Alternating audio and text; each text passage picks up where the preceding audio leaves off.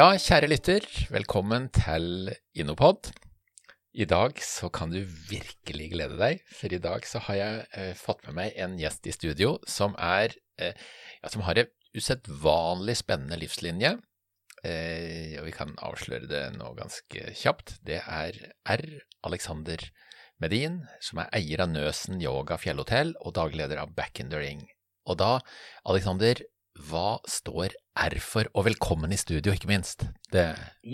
Hjertelig takk, veldig hyggelig å være her, Sjur. Eh, kort fortalt, R-en står for Robin. Jeg har en tvillingbror som heter Kristoffer. Jeg ble født med setefødsel, og syv minutter etter senere sklei tvillingbroren min ut.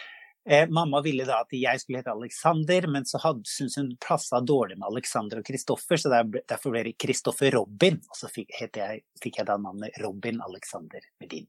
Ja, Yes, så kult. Ja, da fikk vi svar på den, på den R-en. Jeg har eh, Du har hatt et, eh, et, tøft liv. Det er vel det første vi kan eh, si. Og eh, jeg, jeg, har lyst til å jeg har lyst til å be deg ta oss gjennom livet ditt først, ja, fram til der du er i dag. Fordi du har en barndom som, eh, som eh, vi skal være glad at mange ikke har. Er ikke det riktig å si? Ja, jo, det er jo Når man er barn, så bare aksepterer man jo ofte det man står i og tror at det sånn, sånn skal det være. Men i voksen alder så man jo, forstår man jo kanskje at det, det, var ikke sånn det burde vært. Men jeg er veldig takknemlig egentlig for en dyp kjærlighet jeg fikk fra moren min. Ja. Eh, de første årene vi vokste jo opp ganske Moren min var alene med tvillingbroren min og meg, og vi ble egentlig oppdratt av bestemor og mamma i et lite tømmerhus nede på Skullerud. Ja. Eh, og så, ja, når var, vi var åtte år, så traff mamma en mann som hun giftet seg med. Og han forsøkte jo etter eh, beste evne å på en måte prøve å oppdra oss. Vi var to viltre unge gutter. Han hadde noen barn fra før, og fikk senere fem barn med min mor. Oi, oi. Eh, men når du da Ja, det var jo det var mye utfordringer i, i, i, heimen. Og dessverre, fra jeg var sånn 16 til jeg var 18, så var det mye problemer med barnevernet. Og jeg surra meg inn i mye rus og kriminalitet. Men heldigvis så hadde jeg en boksetrener som så meg, støtta meg og klarte å hjelpe meg til å finne en fokus. Eh, ja.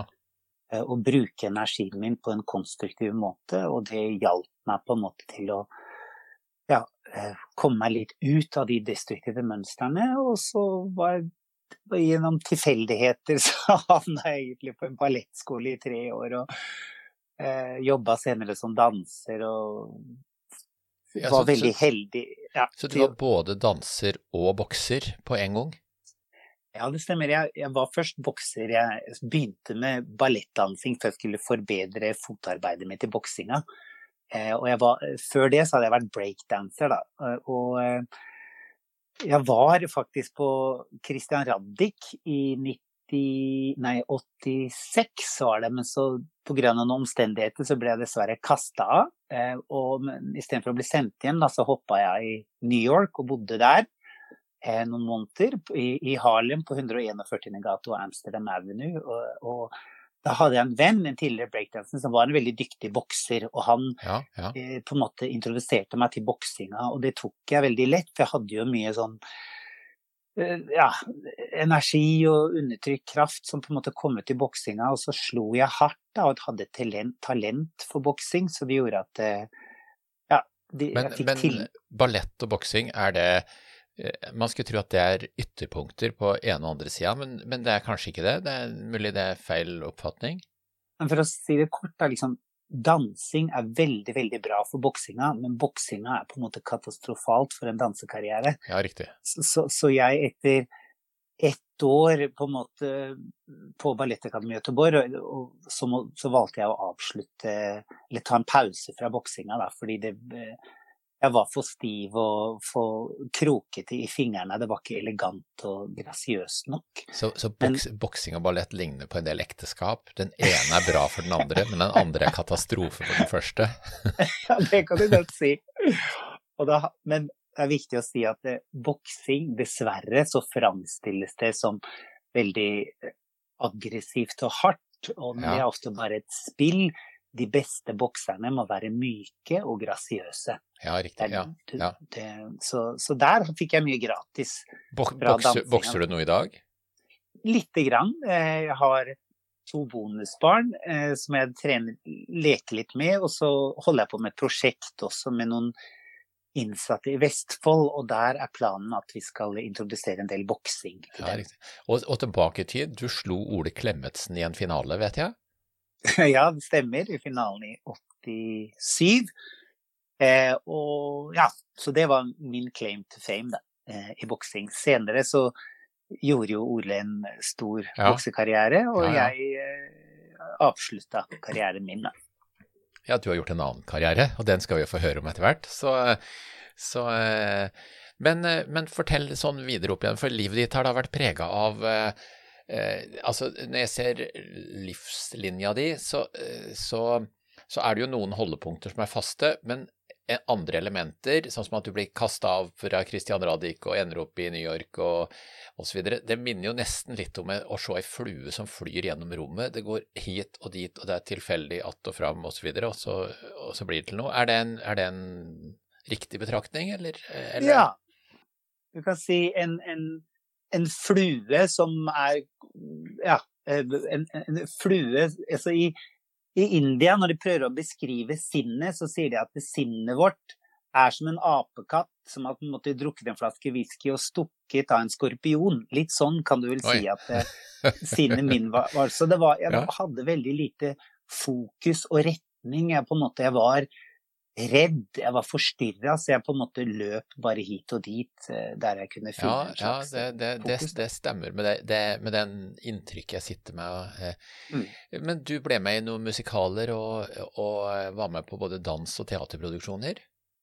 Ja, jeg var heldig. Jeg, jeg sparka rundt i noen musikaler. Jeg jobba i West Side Story og Jesus Christ Superstar og noen andre. Jeg var heldig. Var det i New York, eller? Hvor... Eh? Nei, det, det var i, i, i, i, Oslo. Ja. Og Side Story jobba også i det med Danmark og i Sverige. Og så var jeg senere heldig å jobbe på eh, Dramaten i, i Stockholm ja. og med Riksteatret i Sverige. Så det var og... dette pågikk noen år, det? Ja, fem år holdt jeg på med dans og teater. Ja. Og, og, eh, og, så dans da, det er yoga i dag for deg? Eller driver du med dans òg? Eh, jeg har ikke gjort Jeg har gjort en mindre koreografi for eh, ja, det er vel eh, nesten 20 år siden nå. Men siden jeg aktivt på en måte ble oppslukt i hele yogaverdenen på midten av 90-tallet, så har det ikke vært så mye dans. Men jeg vil si at jeg en mye, mye dyktigere danser i dag eh, enn jeg var når jeg hadde en aktiv dansekarriere. Fordi når du holder på med yoga, så får du en helt annen kroppsbeherskelse og en sånn finmotorikk.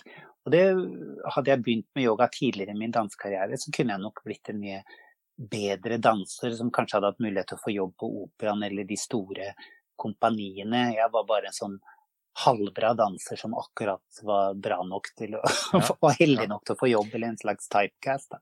Jeg har, eh, jeg, jeg, jeg, har lyst til å bare stille et par andre spørsmål, for jeg, jeg blir litt nysgjerrig på deg, din type, altså som, hvordan du er. fordi på den ene sida så får jeg et inntrykk av at du er knallhard, altså. Det er jo bokseren og, eh, og eller eh, løvetannbarnet, eh, eller hva vi skal kalle det.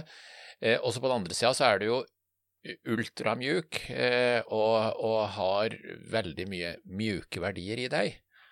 Eh, kjenner du deg igjen i den beskrivelsen? Jeg klarer jeg, jeg får liksom store doser på, på, begge sider. Ja, det er nok helt rett det. Jeg, jeg har fortsatt Det er klart, jeg har hatt veldig mye hardhet i meg. Det er klart du, for å bli norgesmester i boksing, og for, for, å ha det der giret til å holde ut og hente fram en styrke i siste runde og sånn, så må man jo blant være litt hard, men den hardheten ødelegger jo også, da. Jeg, jeg har ødelagt mye i livet mitt med, med, å bli hard, med å bli ja. stengt. Ja. Så, så alt det vakre i livet mitt har jo kommet fra mykheten, åpenheten, spontaniteten. Ja. Um, så, Du jobber, så, med, du jobber, med, innsatte og kriminelle i dag. Eh, for, uh, for, uh, finner du noe mjukhet der du kan få fram, eller er det den kompetansen du har, er den en styrke i å holdt på å si knekke nøtta og, og få ut mennesket i, i, i, midten? Ja, det vil jeg si. Jeg, kjenner jo en, en trygghet, fordi jeg vet at det, det der å å slutte å tøffe seg, å senke garden og tørre å være sårbar og ta inn livet, det er liksom nøkkelen til et rikt liv og et nytt liv, og spesielt et liv som behøver endring. Det tragiske med mange innsatte og rusavhengige er at de lett kjører seg fast i faste mønstre, og så kommer de ikke ut av dem. Og så ender jo ofte da en fengselsdom, slags en sånn ja, en, en, begrensning på hele deres eh, operative mønstre, hvor de blir på en måte stengt inne. Og mange ja. blir jo enda mer stengt inne i seg selv i et fengsel, ja. istedenfor å begynne å se på hele sine tanke- og handlingsmønstre og hva som har leda opp til at du havna i fengsel. Ja, ja, ja. ja, ja. Men du, eh, du eh, fikk jo et, eh, et slags brudd i livet da du begynte med yoga. og og begynte å studere eh, på School of Oriental and Affair African Studies. Mm -hmm. SOAS i London, som forkortningen er. Ja. Eh, det, det, begynte nok lenge før det. Jeg vil si at det begynte med, med dansinga. For å Jeg hadde jo holdt på med mange forskjellige idretter og var veldig aktiv og var dyktig på alle idrettene jeg gjorde i ungdommen. Så plutselig kom jeg til dansing, og så var jeg på en måte den dårligste. Så jeg måtte tenke litt sånn Det hjalp ikke bare å ha en rå kraft og en sånn guts, man måtte være litt mer sånn subtil og litt mer mykere, da. Ja, og det, det, var det dansen lærte meg, og, og som yoga integrerte enda mer. Ja. Eh, og, men spesielt med yoga, når det er som best, så lærer vi også å vende blikket innover og finne en ro og en, og en støtte i oss selv. Og det var jo ganske fraværende i ungdomsårene. Og, ja. ja. Så du tar, du tar, igjen i ganske stor dose, du, det du Mye av det du mangla i ungdomsåra? Ja, eh, jeg sliter jo fortsatt med mitt, det må jeg ærlig innrømme. Men det er en glede å kunne være med og bidra til fellesskapet, da. Når man på en måte var en byrde for fellesskapet i ungdomsårene. Og det å være med og, og gjøre noe bra for folk og kunne se at uh, mange tidligere innsatte og rusavhengige finner en, en ny, nytt fokus i hverdagen og livet ja. uh, gjennom yoga, det, det, er veldig tilfredsstillende. Å se at vi har Ingen trodde jo på oss når vi begynte det prosjektet med Back in the Ring og gangsteryoga. De trodde vi var liksom gjerne både rusomsorgen og kriminalomsorgen, men nå, nå, har vi på en måte blitt et uh, anerkjent tilbud. Og det, det er vi veldig stolte av. Så, så, du fant på mange måter en sti ut fra rusmisbruk og et dårlig liv og inn til et mye bedre liv, og gikk den stien først alene sjøl, og så har du fått andre til å komme etter deg på den samme stien? Ja, men jeg må si at det er bare tilfeldigheter at en person klarer å skape en endring. Det var ikke sånn at jeg Altså, jeg var jeg fikk en sønn da jeg var 20 år, og ja. for meg, da måtte jeg gjøre en, eh, på en måte et valg. Jeg ville ikke at sønnen min skulle hilse på meg i fengsel. Jeg ville ikke at han skulle se en, en far som slet med rus. Jeg, var, jeg var veldig konsekvent, men det var jo utfordrende iblant å treffe gamle venner, og man fristes til å være med på opplegg og tjene kjappe penger. Men ja, ja. jeg bare gjorde et veldig sånn konsekvent valg etter sønnen min ble født, at eh, nå må jeg holde orden. Ja, du sier at det er mye tilfeldigheter, og jeg tror det på det, men jeg tror også at det er krydra med eh, en vilje og, en, og, og, et talent som du har båret inni deg hele livet. Mm. Ja, i hvert fall det med viljen.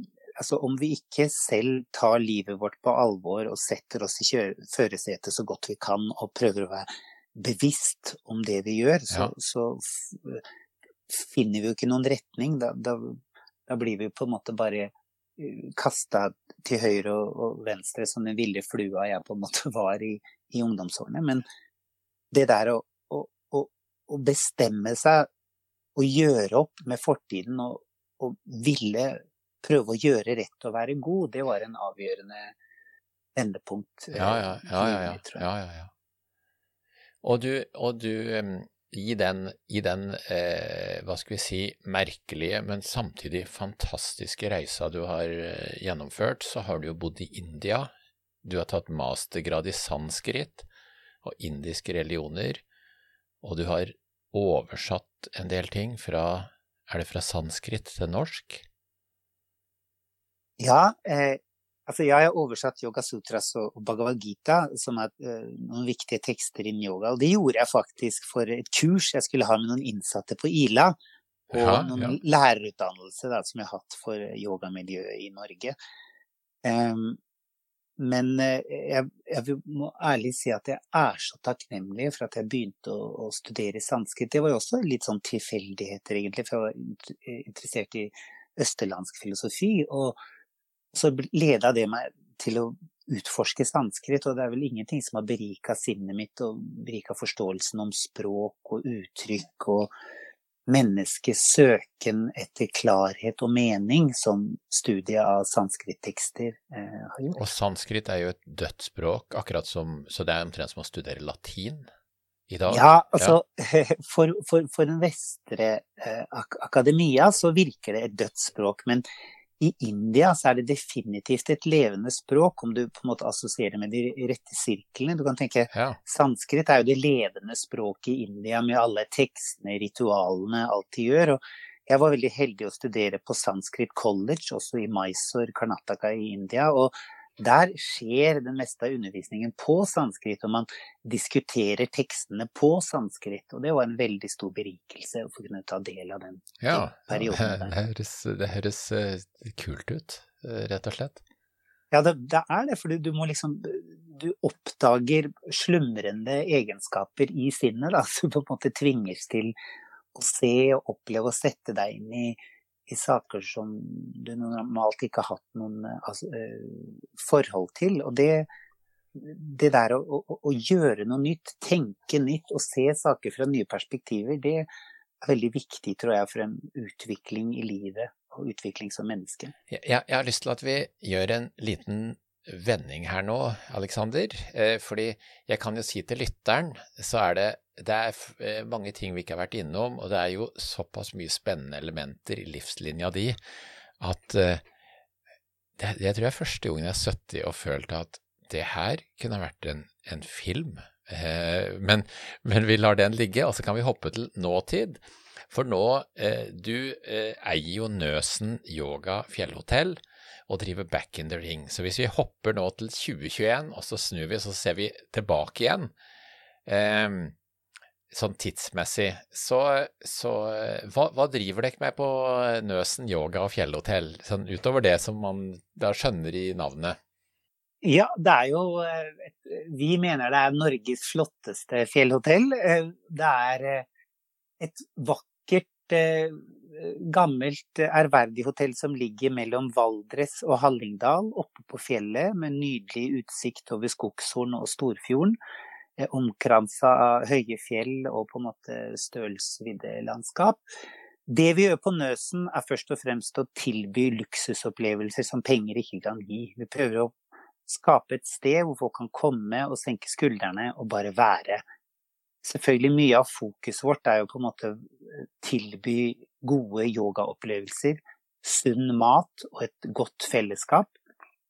Eh, og så hører jo til historien at Back in the Ring har vært en veldig viktig del av Nøsen. For de har Grunnen til at jeg starta Nøsen, var pga. Back in the Ring. Så alltid, for meg er det veldig viktig at uh, Back in the Ring-deltakere skal få muligheten til å komme og være der, utvikle seg og få arbeidstrening og utvikling for Fortell, fortell litt hva Back in the Ring er. Back in the Ring er et tilbud for rusavhengige og tidligere innsatte som ønsker å gjøre comeback i livet. Hovedfokuset vårt er å hjelpe folk å bygge opp gode rutiner gjennom yoga, men på en måte styrke dem gjennom å ta et større personlig ansvar for sine holdninger og handlingsmønstre og hvordan de fyller hverdagen. Og virker Back in the Ring? Ja, det vil jeg si. Eh, vi ser jo nå at vi har vokst oss større. Vi er jo aktiv i over 20 byer, 24 byer faktisk, rundt om i Norge, og i 15 fengsel. Ja. Og det begynte som et lite prøveprosjekt i 2012, og nå har det jo ja, blitt et landsdekkende tilbud som, med mange flotte deltakere som er med og bidrar i prosjektet. Og det, hvem starta, hvordan starta Back in the Ring? Det starta egentlig inne på Ila fengsel, hvor jeg hadde lyst til å gi noe tilbake. Så jeg begynte å undervise der en gang i uka, så ble det to ganger i uka, så ble det, ble det mer. Og så ble det senere at vi Jeg tok med noen rusavhengige til India i 2013, da, og eh, det var begynnelsen på å, å fortsette prosjektet. Så vi, vi, vet jo at uh, alle innovasjonsprosjekter har et teammessig, så det er mange mennesker. Men er det riktig å beskrive deg som ildsjelen bak Back in the Ring, da? Ja, det, dessverre. Så i begynnelsen så var det jo litt sånn one man show, for det var jo eh, jeg som eh, drev det og gjorde alt med det. Men nå har jo Back in the Ring blitt, fått en struktur og blitt en organisasjon takket være alle fantastiske medlemmene som er med. Så nå kan jo jeg trekke meg mer tilbake. og det er det som er det vakreste med Back in the Ring nå, at jeg ser det står eh, på egne bein. Og det er, det er del, de tidligere deltakerne som er med å drive det videre. Og det, det er veldig vakkert. Jeg har lyst til å bare sette, sette Back in the Ring litt inn i, sånn, i et rammeverk eh, sånn innovasjonsmessig. Eh, vi har vi kommer med en podkast. Ja, det kan hende den har kommet allerede, for vi lanserer jo én og én podkast. Men eh, en, en innovasjonsekspert som heter Yngve Dale, har studert jeg tror det var 800 entreprenører, og så på motivasjonen for å gjøre denne innovasjonen. Og han fant at det er fire, det er fire ting som går igjen.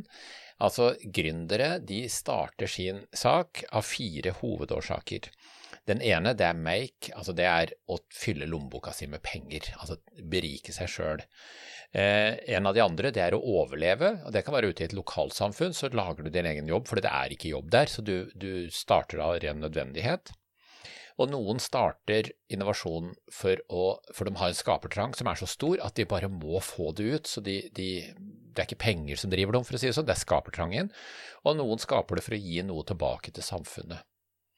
Så, så hvis vi setter opp de, altså egen lommebok, eller av ren nødvendighet for å skaffe seg en jobb, eller av, skaper, av skapertrang, eller av å gi noe til samfunnet. Er det noen av de fire du kjenner deg igjen i der, hvis du skulle putte deg inn i en boks? Folk beveger seg mellom de boksa over tid. Ja. det, er definitivt de to siste. De to første kjenner meg ikke inn i, i det hele tatt. Nei. Nei, Men, så, eh, så, skape og gi noe tilbake til samfunnet, det, det har vært mm. hovedmotivasjoner spesielt den, den siste, da. For ja. meg har det vært en glede å på en måte gi noe tilbake. Jeg kom jo hjem til Norge i 2009 og, var liksom eh, Jeg bodde egentlig på bakrommet på Puro Yoga og var fornøyd med det. Og så var jeg heldig og kunne hadde, hadde litt sparepenger fra yoga og hadde bygd meg opp litt egenkapital på yoga, men det var jo så dyrt med, med egne leiligheter, så jeg, jeg brukte faktisk mye av sparepengene mine for å ta med ti deltakere til India i, i 2013 og gjøre noen prosjekter med dem der. Og for meg var det en sånn glede å bare skape det sammen med dem. Og, men det, det mest fantastiske var at i etterkant var alt hva jeg fikk tilbake pga. den første spiren som vi planta der og bare ville gjøre noe bra for samfunnet, så har samfunnet på en måte også gjort så mye bra for meg. Da. Jeg har fått muligheten til å starte Nøsen, jeg har fått muligheten til å videreutvikle Back in the Ring, og jeg får lov til å jobbe med det her nå. Det har på en måte blitt en drøm som ja. har gått i oppfyllelse uten at jeg strakk meg etter den i første omgang. Det var bare noe jeg ville gi, og fra det så kom det et overskudd og en overflod som var Eh, helt uforventa og mer enn jeg kunne vente meg. Eh, bare et, bare et sånt spørsmål. Eh, hvordan hadde det seg at det var du som ble eier av Nøsen? Altså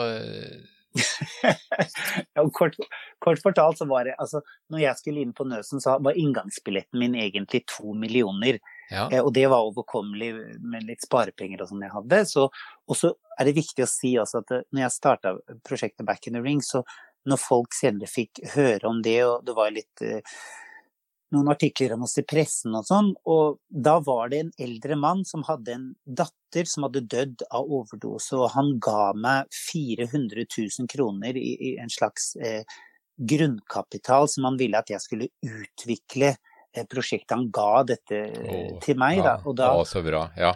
Og, og da, for meg var det viktig å ta vare på de pengene og gjøre noe bra. så Eh, de, de, 400 000 på en måte det, det, var noen av de pengene jeg brukte til å kjøpe Nøsen. Nå måtte jeg betale fem millioner fra Nøsen til slutt. og ja. En lang historie hvordan jeg lykkes med, det, lyktes med det. Men jeg var også veldig heldig med timingen, fordi jeg hadde akuttmottak i, i 95 i, og 96 i tre måneder. Og det ga meg sånn grunnkapital som ga meg mulighet ja. til å pusse opp stedet også, for det var et gammelt falleferdig sted. Men er ikke, er ikke dette derre på, du har en god del ting som noen sånne fellesnevnere i tilf, eh, den tilfeldige reisa du har vært på, som, som, sannsynligvis ikke er så veldig tilfeldig, men som, som, men som allikevel er veldig merkelig. Og det er at det er akkurat som katten, du har landa på bena hver gang. Og, eh, og du har grepet muligheter. Så, så, du har jo opplagt noe ved deg som gjør at du har et en overlevelseskraft som går langt, langt utapå de aller fleste? Nå, altså, vi hadde ikke noen diagnoser når jeg vokste opp på, på 70-tallet, liksom, men jeg er vel ganske sikker på at jeg hadde fått noen ADHD-diagnoser eller et eller annet sånt i, i nåtid. Men min utfordring var jo alltid det at jeg hadde ofte så mye energi og overskudd, så om det ikke var kaos, eller om jeg ikke sto i noen intensitet, så klarte jeg ikke å finne et fokus. Og litt sånn var det med, med Nøsen og, og, Back in the Ring også. Det var store, store utfordringer. Men i de utfordringene om å bare luke bort det forstyrrende og fokusere på det som var viktig, så var jeg heldig med timingen med tilfeldigheter som gjorde at det, vi til slutt fikk det til på Nøsen. Og Back in the Ring nå har blitt en stabil organisasjon. Eh, så jeg vil ikke si at det var meg og, og mine talenter, jeg vil bare si at jeg hadde, hadde flaks. Jeg, jeg landa på beina, og jeg hadde ytre støttemomenter som var med og, og berika hele min eh, ja, vei. Ja, ja. Vet du hva, Aleksander, vi, vi, kunne ha fortsatt i, i, i, lang tid, og jeg kunne hatt veldig lyst til å eh, Jeg har veldig lyst til å plukke opp en del av dette her i en, en senere podkast. Jeg tror vi setter strek der, og, og, og kan, jeg, kan, jeg, bare få si én ja, ting ja, ja. avslutningsvis? Det som er viktig å si, at det liksom alene, og det, det med Alene går vi oss litt vill som mennesker. ikke sant? Vi har drømmer, vi har ambisjoner, vi har mål som vi strekker oss etter. Men ofte så, så er det jo ikke sånn at de målene og drømmene vi har, eh, realiseres eller blir som vi forventes. Liksom bare er et ekteskap, litt liv, blir jo aldri helt sånn som man har tenkt seg. Men når vi klarer å være fleksible, og når vi klarer å liksom fokusere på eh, en helhet og glemme oss selv, eh, det vil jeg si grunnen til at jeg lyktes med Nøsen og Back in the Ring, det handla ikke om meg, mitt og mine. Der hadde jeg på en måte gått meg vill i en tidlig ungdom med boksekarrierer og på en måte danse- og teaterkarriere. Men jeg greide å legge til side meg, mitt og mine og fokusere på helheten eller samfunnet eller et fellesskap, da fikk jeg så mye tilbake og ble berika selv som menneske, og det var det som gjorde at eh, vi fikk det til eh, på nøsen, og at jeg fikk orden på livet mitt, tror jeg. Men jeg endra så mye fokus fra meg sjøl til eh, å se menneskene rundt meg og kunne være med og bidra med de få eh, mulighetene og talentene jeg hadde. Ja, du fant noe som var større enn deg sjøl, og da ble du sjøl viska ut, og så ble gjerningen eh, det primære. Ja, å kjenne at man, kan, man har noe å bidra med for ja. andre, ikke bare seg selv. Dette her er fantastisk, Aleksander. Hjertelig, hjertelig tusen takk for at du har uh, ville delt det med oss. Og um, vi kommer til å ses igjen, det, det vet jeg. Og til, så tusen takk for at du kom i studio, Aleksander.